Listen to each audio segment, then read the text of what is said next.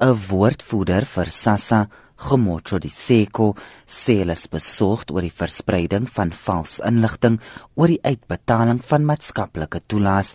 There's different types of scams that we have picked up, but they are all directed at obtaining the details of the beneficiaries, such as their ID number and their PIN numbers for their cars.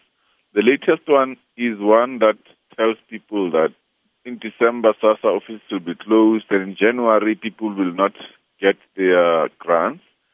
So, in order to avoid all those things, you have to send, uh, reply to their message. So, that we're requesting social beneficiaries not to reply to suspicious messages. Hy sê SASSA kantore sal die maand en in Januarie oop wees. Our offices all were open throughout the year including December. We only close on public holidays. There is nothing that is going to change. We are going to pay people from the 1st of January, the 1st of February, the 1st of every month going forward. So already we started the December payment on the 28th of November. We will close it on the 22nd of December.